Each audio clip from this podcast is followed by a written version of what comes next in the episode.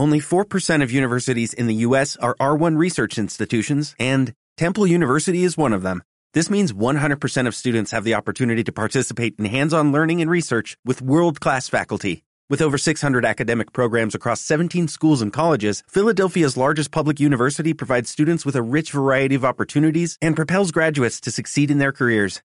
Temple University. Schedule a campus tour today at admissions.temple.edu/visit.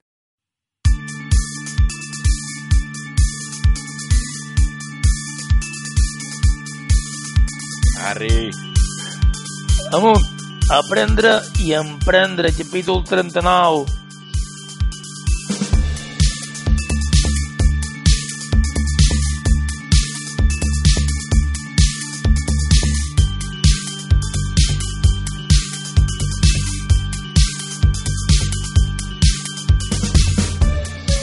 Bon dia i benvinguts al programa d'aquesta gran casa com és Amunt, la plataforma de cursos online per a emprenedors on explicant tècniques per gestionar millor els nostres negocis i els nostres projectes.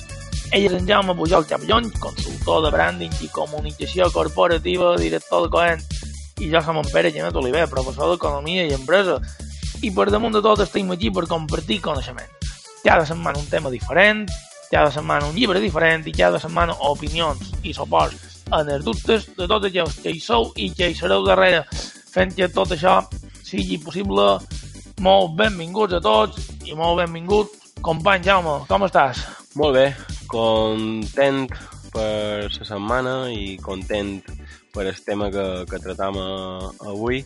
Uh, M'agradaria comentar la introducció que, que feien sempre abans de començar el, programa, que fa un parell de mesos vaig, vaig crear la meva pàgina web i, i ha penjat uh, un vídeo de la conferència que vaig fer uh, en, el, en el diari de, de Mallorca.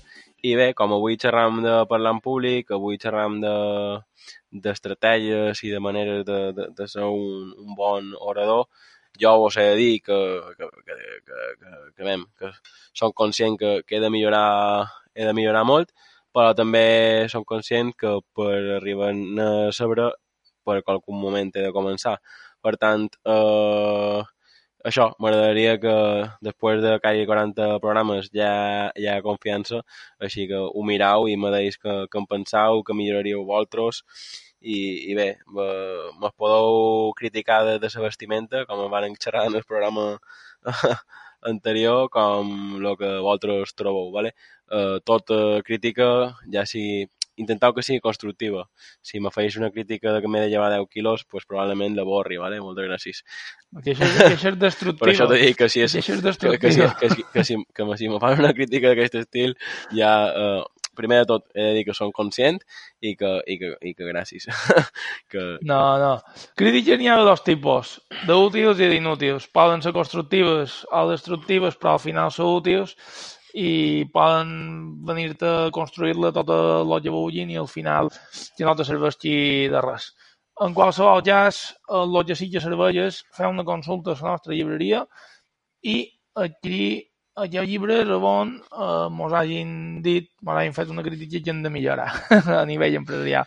Per tant, eh, tenim tot classificat per seccions i qualsevol branca que us falli un poc o que necessiteu millorar, consultar. A la nostra llibreria, per seccions, està tot classificat. Que voleu millorar ventes? Tenim ventes. Que voleu crear un nou negoci i voleu eh, com organitzar idees? Tenim organització d'idees. Que aneu gestors de temps i voleu organitzar millor la vostra setmana? Tenim productivitat. Tot completament classificat. I, evidentment, tenim coses com aquesta setmana, que va dir en Jaume, que és xerrar en públic. I, a més, és un tema doble aquesta setmana, perquè hi va tant el tema de la setmana com el llibre, que són les set estratègies de los oradores expertos. Dit això, anem arrenjant la importància de xerrar en públic perquè toquem un tema delicat. Vull dir, hi ha gent que fa feina molt bé, però a l'hora de xerrar en públic no s'atreveixen. Jo dic que perden grans oportunitats de feina uh, no sobre xerrar en públic. Passen dues coses amb xerrar en públic. La primera és que s'estableix una relació completament directa entre com xerres tu de bé en públic i com fas tu la teva feina. Si tu te volen segur, te volen xerrar bé, te volen amb un discurs ordenat, ja ho veurem tot això, i clar, i amb, i amb, amb experiència, buf, deuen dir, aquest tio fa feina molt bé. Però després passa una altra segona cosa. El que allò ja sap explicar bé el consideren mestre. I allò que consideren mestre, al final la gent ho segueix i la gent se fa client. Ja me'n vaig anar compte, nosaltres vam muntar una sèrie de, de, de classes relacionades amb una empresa que teníem antes i al final tots i cada una de les persones que varen venir a classes se varen acabar convertint en client nostres dels nostres productes. Per tant, eh, aprofiteu això. Sobre xerrar en públic és que si en sabeu i teniu assistents constantment a les vostres xerrades, no se vos llevaran els clients. Dit això, anem a veure com ho poden muntar, no? Sí, de, de fet, vull afegir una cosa més de l'importància. Uh, xerrar en públic no, no és fàcil, no? I, i jo crec que el que fa que la gent que és capaç de xerrar en públic eh, se diferenciï i tingui millors resultats quan tu deies d'aconseguir més clients i això, és que la barrera d'entrada eh, eh, no és tan fàcil com eh, anar, que te facin una, una entrevista o, o crear un canal de YouTube o això, sinó que eh, xerrar davant 200 o, o 300 persones requereix tenir unes uh, habilitats i, i, i te dic, uh, això el que te podrà fer és uh, que destaquis de la teva competència més que res això, perquè no tothom és capaç de, de fer-ho. Sí que tothom és capaç de, d'aprendre-ho, però en el principi, eh, te dic, eh, costa i jo crec que per això la gent en el final ho, ho valora, perquè és conscient, sobretot aquí a Espanya, a altres països s'ensenyen a ser públic i, i pràcticament no, no li costa, però aquí és vera que hi ha alguna cosa que mos, mos, mos costa, mos costa, mos costa pujar damunt un escenari i, i, i poder ser eh, el protagonista durant un parell de, de minuts. Jo el que sí que volia dir primer de tot és que heu d'aprofitar els dos primers minuts de la vostra xerrada per captar l'atenció de la gent.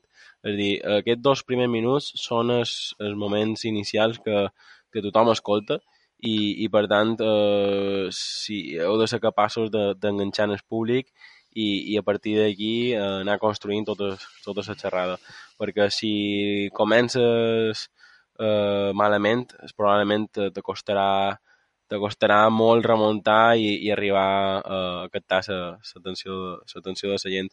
Amb això no vull dir que comenci fent un xiste, perquè és vera que hi ha algunes xerrades que, que, que, que pot ser que, que, que facis això i a lo millor pues, també aconsegueix l'efecte contrari, no? Que algú li cau malament i, i ja no, no t'escolta durant, tota, durant tota la ponència. Sí que hauries de fer com... Uh, perquè, bueno, no, no ho han dit, però uh, aquest podcast el, repartir, el repartirem en una sèrie de punts i el primer de tot seria què? Seria que, que has d'intentar començar amb una frase impactant i, i aprofitar que tothom t'escolta. Quin tipus de frase? Pues, pues això, si estem fent una xerrada per emprenedors, pues començar dient d'aquí cinc anys, vuit de les deu empreses que sou aquí ara asseguts ja no existireu. Conyo, pues te puc assegurar que si són empresaris i emprenedors eh, i estan preocupats pel seu dia a dia i la seva empresa, com a mínim eh, voldran saber per què dius això i voldran saber eh, si ells de quin percentatge estan, des, des que se'n van a... Des que se, de fet, ho deixarem així, entre els que se'n van o els que queden. sí, és altre barri. sí, ambos que queden. La classificació és clara. Sí, aquests dos minuts, aquests dos minuts són fonamentals perquè t'escolta tothom i des que d'aquí radica, radica eh, molta part de la conferència. L'altre important és tenir un bon contingut. Hi ha una cosa a mi que m'agrada uh, molt i és xerrar de cor. Si tu m'ho un dia i ho vaig aprendre de tu aquelles coses que te surten des de la raó, des del convenciment pur, des de dir això és així perquè haver viscut i haver tocat en les mans, són aquests discursos que, que molles i la gent queda ferrada a la cadira perquè quasi ningú t'ho pot rebatre. I de procurau que el contingut que vosaltres tracteu del vostre tema sigui des del cor. Elaboro-lo des del cor, perquè mm, la veritat, és difícil és difícil que t'aturi i no li puguin posar res en el teu contingut quan realment tu has viscut i ho sents en tota la teva passió. Jo d'això me'n dono compte. Dir. De fet, eh, a moltes xerrades i perquè en el final, eh, Pere, no ho han dit, però és una de les coses que, que crec que, que, que vull reivindicar. Xerrar en públic no només és xerrar eh, davant 200 persones, se considera xerrar en públic quan xerres davant més de dues persones. ¿vale? I, I una de les coses que jo m'he donat compte és que, vulguis o no, fa 5 anys que, que cada setmana tenc reunions. Ahir mateix hi, hi havia... Eh, bueno, ahir, eh, divendres, una reunió amb, on, on cinc persones a l'oficina i vulguis o no, això és xerrar en públic. I això, totes aquestes tècniques que direm avui, les heu de fer servir eh, si, si esteu xerrant només davant 3, 4, 5, 7, 8 persones, o encara que sigui un dinar familiar. És a dir, eh, lògicament eh, heu de començar per el principi i no estem xerrant tampoc que, que, que aquestes tècniques només serveixen quan tens un auditori de 250 persones. Ja siguin 50 o siguin 5, tot això te pot, te, te pot servir. I el que volia dir, Pere, és que és això, que jo m'han donat compte quan estic xerrant des de dins o simplement estic reforçant un tema teòric que sí, que el puc entendre, però que probablement ho dic per, perquè me, per, perquè me toca dir-ho, perquè el client ho necessita, però no és una cosa que probablement jo eh, me surti de dins, perquè te puc assegurar que, que si, si te surt de, de, de, de, de dins, eh, pots, pots xerrar 10 a 15 minuts i tenir enganxat a tota la teva audiència. Ventura n'hi haurà qualcun que farà de d'ais, però bueno, és, eh, no, no, no se pot evitar. I tu el que has de fer és això, ser capaç de d'enllaçar el teu discurs perquè, perquè te'n dones en compte d'això, que el que no pots fer és començar a emplear idees super separades i, i, i, que, i fer com aquestes pauses no, de girar-te, mirar PowerPoint, no, no, has d'intentar unir tots els temes de la teva ponència en, en, en connexions i en connectors i, i fer que, que la gent eh, se, se, se faci seu el teu, el teu discurs. Eh, ja t'he dit, ho veuràs tot d'una, el bo que té això i no pots aconseguir en YouTube o amb aquest mateix podcast d'això, és que tu veus les cares de la gent i tu veus eh, com reacciona el que li estàs dient. Sí, l'altre que també hem de tenir clar és la durada. Vull dir, tu pots ser tota la màquina que vulguis i ser un, un, un infal·lible discurs sobre damunt d'un escenari i un orador perfecte, hi ha un punt que la concentració humana diuen que són 40 minuts, hi ha tècniques, s'acaba. Val? 40 minuts si vas xerrant i vas xerrant.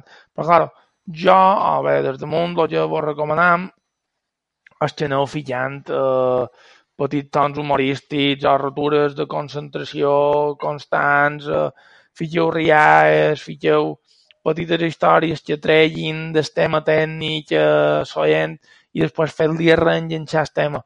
Ho dic més que res perquè hem de saber quant aturar. Està molt bé xerrar i si te sent còmode, te sent còmode, vale? però jo, totes i cada una de les, de les xerrades que vaig, un, un, un col·legi major a Barcelona, i sempre que me tocava fer una xerrada d'escoltar, dic, jo duig moltes més hores a baix d'oient que no moltes més hores aquí dalt. I, i m'he menjat autèntiques castanyes de gent que no sap quan s'ha d'aturar.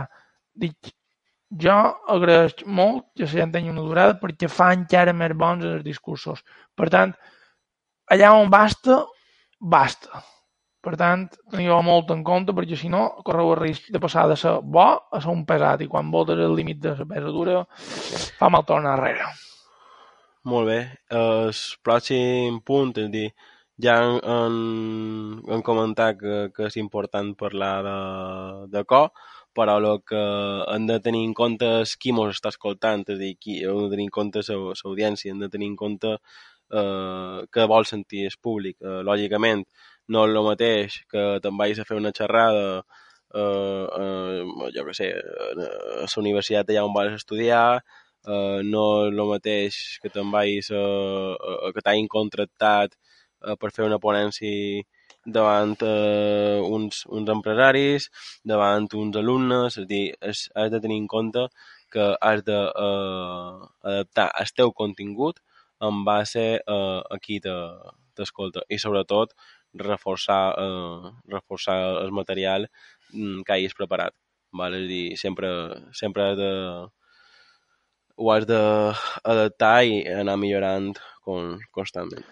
Sí, i la barrera tot que també vull deixar clar moltes vegades la postura física que nosaltres tenim quan estem xerrant eh, damunt de, de, de, ja sigui una taula, una reunió o ja sigui en públic. Vull dir, al final, eh, sobretot en públic, se tracta de mirar a tothom en general, però a ningú en particular. És com quan xerres amb qualcú i l'estàs mirant a la cara, però no l'estàs mirant ni a la boca ni en els ulls exactament, sinó que tens una visió, una visió general. Però aquesta visió ampla, general i d'una postura incorporada és el que dona encara molta més força en el teu discurs.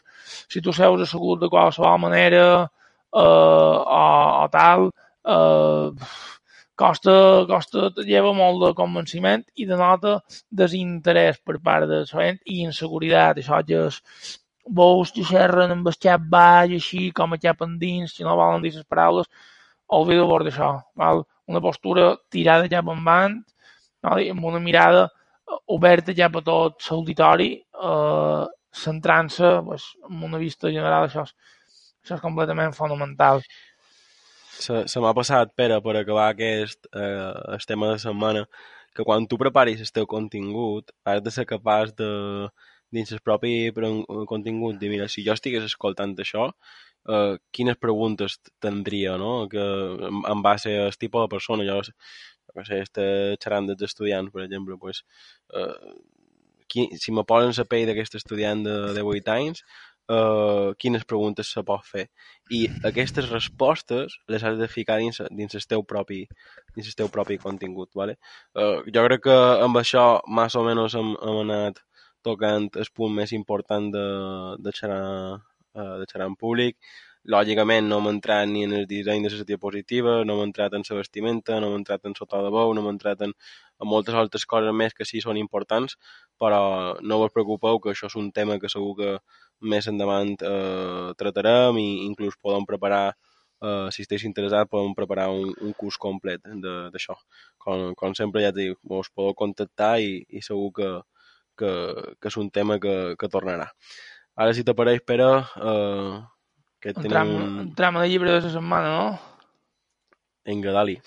Dali, con ganas y con ilusión, que deia uh, hi ha un narrador de ràdio. Tenim uh, set estratègies dels oradors experts. Las siete estrategias de los oradores expertos.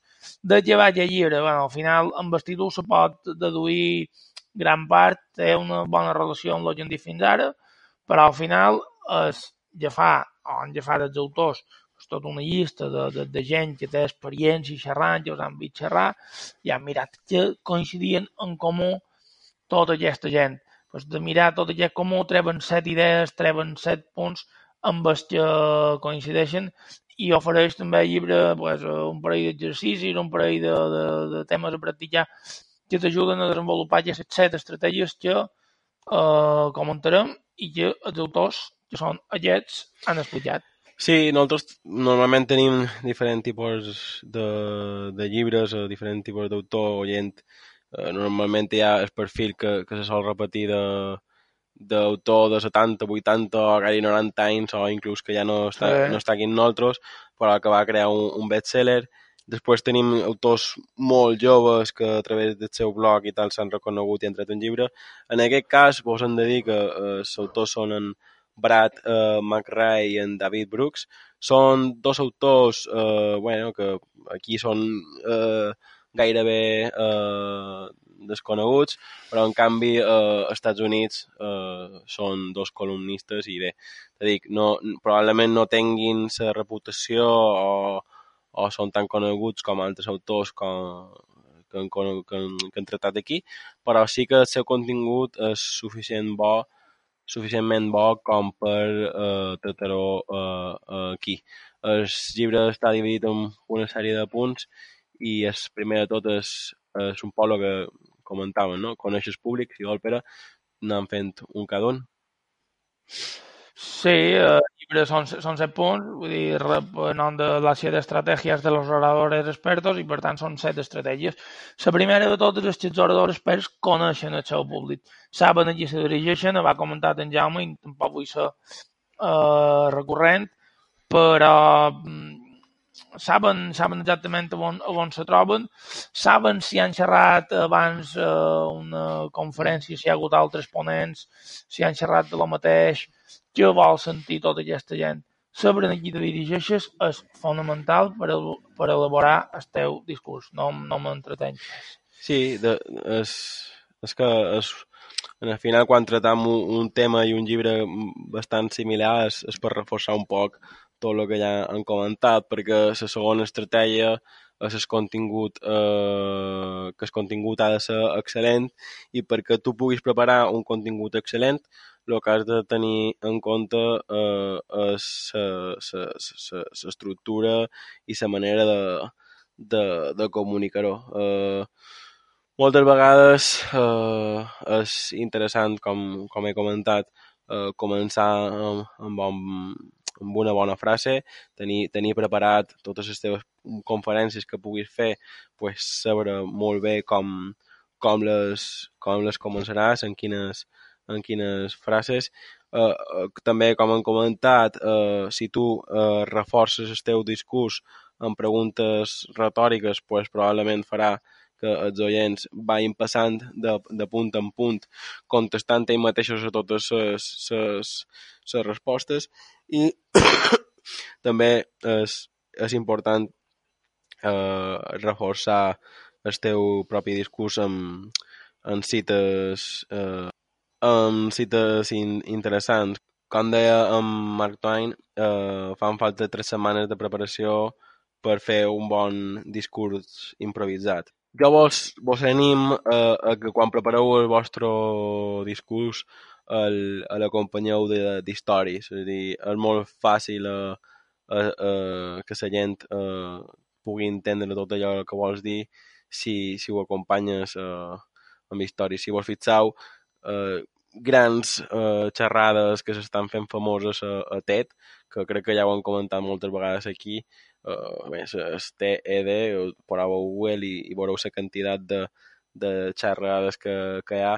Molts comencen així, comencen una, contant una història de quan eren petits, o una història de, dels seus avantpassats, o una història de, dels seus fills, i, i vulguis o no, al final són, són persones i, i tot, tot aquest eh, contingut ben elaborat, mm, construït en base a una, una història fa que, que, que puguis expressar molt més tot aquell contingut que vols compartir. Sí, i no només, a part de, del contingut que, que és excel·lent, és que l'organitzen de manera genial. Vull dir, o referencien, saben dir 3 d'eren 8 punts avui, o saben cohesionar, saben fer les transicions entre idea i idea de forma genial, o saben sincronitzar.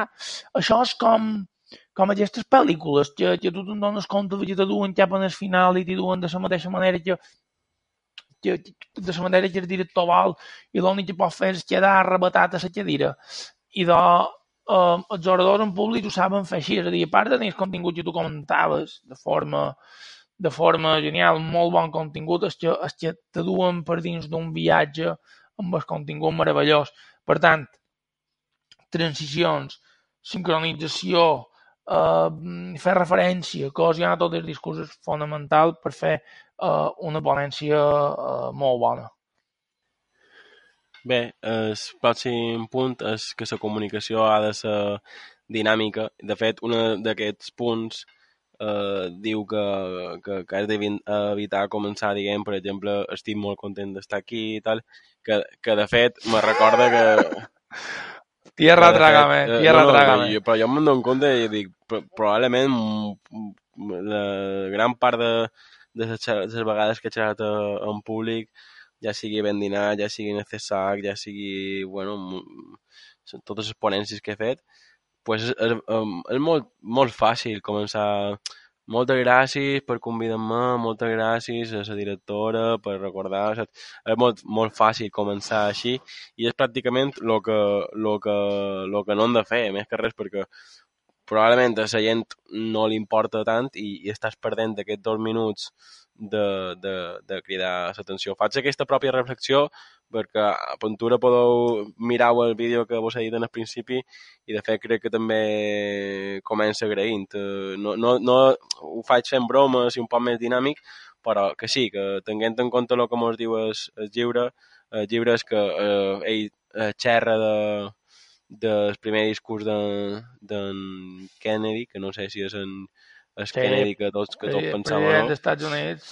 I de, xerra des, de, del primer discurs i, i diu que bé, que pitjor no ho podia fer. O sigui, que, que va començar... O sigui, no, no, no va dir... No va xerrar ni de cap història, ni va fer bromes, ni va fer cap referència il·lustrativa, ni que, vamos, que, que xerrava només de tema d'economia de, i tal, i que no li, no li va donar cap interès eh, humà, un, un interès eh, proper. Val? I, de fet, també va començar dient estic molt content d'estar aquí. Per tant, eh, seria un poc repassar això.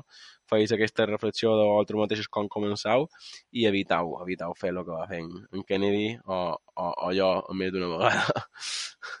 No, però tot això se pot anar a les gràcies, i se pot, però, però se pot anar fent durant el transcurs de, de, de, d'això d'atura i per cert, que m'ha convidat a tal, a la qual li estic molt agraït i, i continues, vull dir, que hi ha maneres de però aquesta gent que surt i comença a donar les gràcies a tothom que, que l'ha fet pujar a alt, diu, surt i, i rebenta, hombre, surt i comença sí, amb algo, surt i comença tampoc, amb algo loco, tio.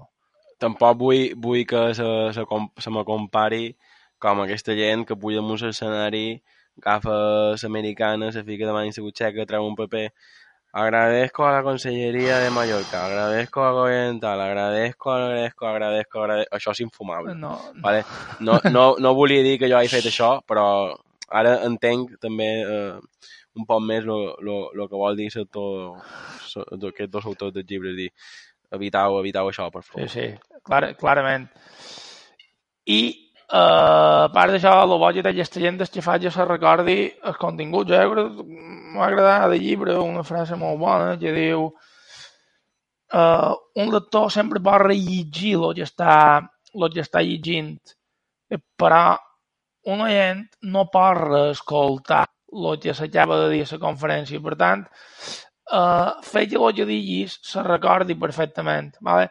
Mira, passades 24 hores de la presentació, recordarà el 50% de lo que tu hagis dit o hagis exposat.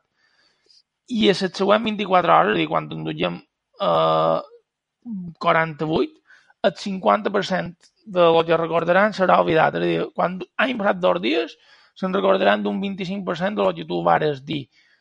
Això de norma general. Per tant, allò que vulguis que se quedi, no? allò que els bons oradors fan, és que saben repetir les mateixes idees però de diferent manera i les, centren per encarregar-se que la persona que us escolta ho vagi, ho vagi vist clar. I això és una de les grans eines que té un bon orador. És a dir, cerca aquella manera de reforçar allò que tu vol dir, però dient-ho en paraules diferents. I la veritat, estic completament uh, d'acord.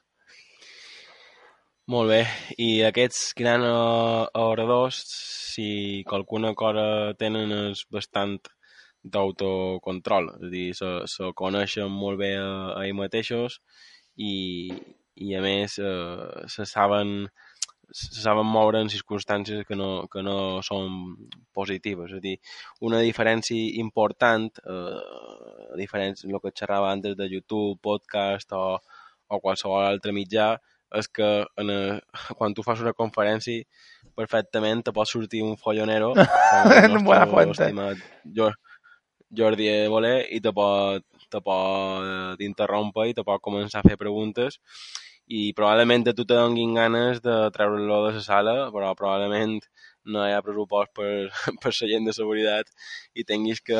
que el tard de menjar. Que, que saber Sí, tinguis que treure-lo d'una altra manera, que sí, que són amb bones, amb bones paraules. I, però jo crec que va eh, implícit eh, ser un bon orador en tenir aquest, eh, aquesta mà esquerra, aquest bon aquest autocontrol. Val? Eh, eh, volia dir un, un poc això, és, dir, és molt normal que dins, dins, eh, dins aquesta zona que te poses a, a fer d'orador te trobis tres, aquestes tres situacions. Primer, aquest obstacle que te, que te pugui uh, interrompre la teva, la teva ponència. Després, uh, has de ser capaç d'anar observant i canviar el teu diàleg en base a, a, lo, a lo que veus. Lògicament, pues, si, si, si tu tenies preparada una sèrie de bromes o tenies preparada una sèrie de situacions i just moment antes d'entrar ha passat alguna pues, que no, no correspon fer aquella broma en aquell moment o no correspon fer segon quin comentari perquè pues, no sé, per, per qualsevol cosa que pugui passar dins, dins l'auditori, pues no ho faig, més que res perquè se tiraran damunt, no? I després, eh, en tercer lloc, eh, hem d'evitar ser massa perfeccionistes, ja que en el final, bueno, és un poc el que, el que comentava en Pere, primer perquè no recordaran tant com, com mos imaginam i segon perquè aquesta, aquest nivell de perfeccionisme intentar que la presentació estigui en el, en el 100% preparada i tot això, pues moltes vegades te pot causar eh, un estrès o te pot provocar un, un no sé, un nervis que, que, no, que no seran positius per tu. Jo te dic, eh, és, és complicat fica't dins aquest món de les conferències, però una vegada hi entres i, i damunt t'hi sent còmode, eh, eh, jo mm, se pot disfrutar. Se pot disfrutar perquè al final tot això se, se supera sí. i, i és, el fet, el fet aquest Pere de que la gent s'olvidi el que te dius pues, és un avantatge, no? De fet, també dins, dins la meva ponència... Sí, tanmateix no se'n recordaran, sí, sí, efectivament. Eh, bueno, ja la mirareu i ja me direu coses. I, bueno, ja estem a punt d'acabar. Un, sí. El darrer punt és, és el número 7.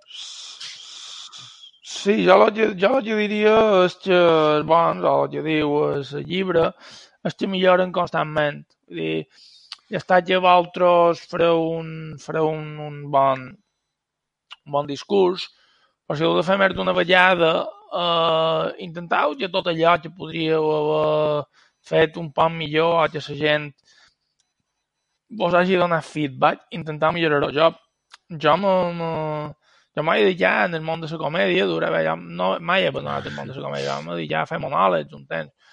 Vaig abandonar perquè supos que devia ser nefast. No, no, no, no, no tant per això, sinó perquè... Bueno, igual, ja comentarem un altre dia. Uh, I jo me'n record de com se treballava en el monòleg. Tu sorties i, de, i clar, el t'havia guardat per tu, no sabies que, que faria la gent i al començament de com poden haver rigut aquí si no, si no en comptava jo. Hi ha altres moments que tu deies aquí eh, l'hauran de treure en de los que riuran, no pot tenir un impacte tan fort i tu ja faves el test una altra vegada i de, ah, mira, aquí em van riure, i ho lleves, i fitxaves. Totes aquestes coses també a qualsevol orador crec que li són completament fonamentals. Fixeu-vos molt en la reacció que fas públic, en el moment que riu, en el moment que veus que perden o se fan distants a, a vosaltres, per corregir aquestes parts i, i, i treure el discurs renovat la pròxima vegada que tot heu, que tot heu l'escenari, perquè va ser d'anar fent patir retlot, patir retlot, i que veureu tenint un discurs completament, uh, completament letal. Uh, per això, no tingueu por, és que no, final no tingueu por sortir perquè millorareu seguríssim.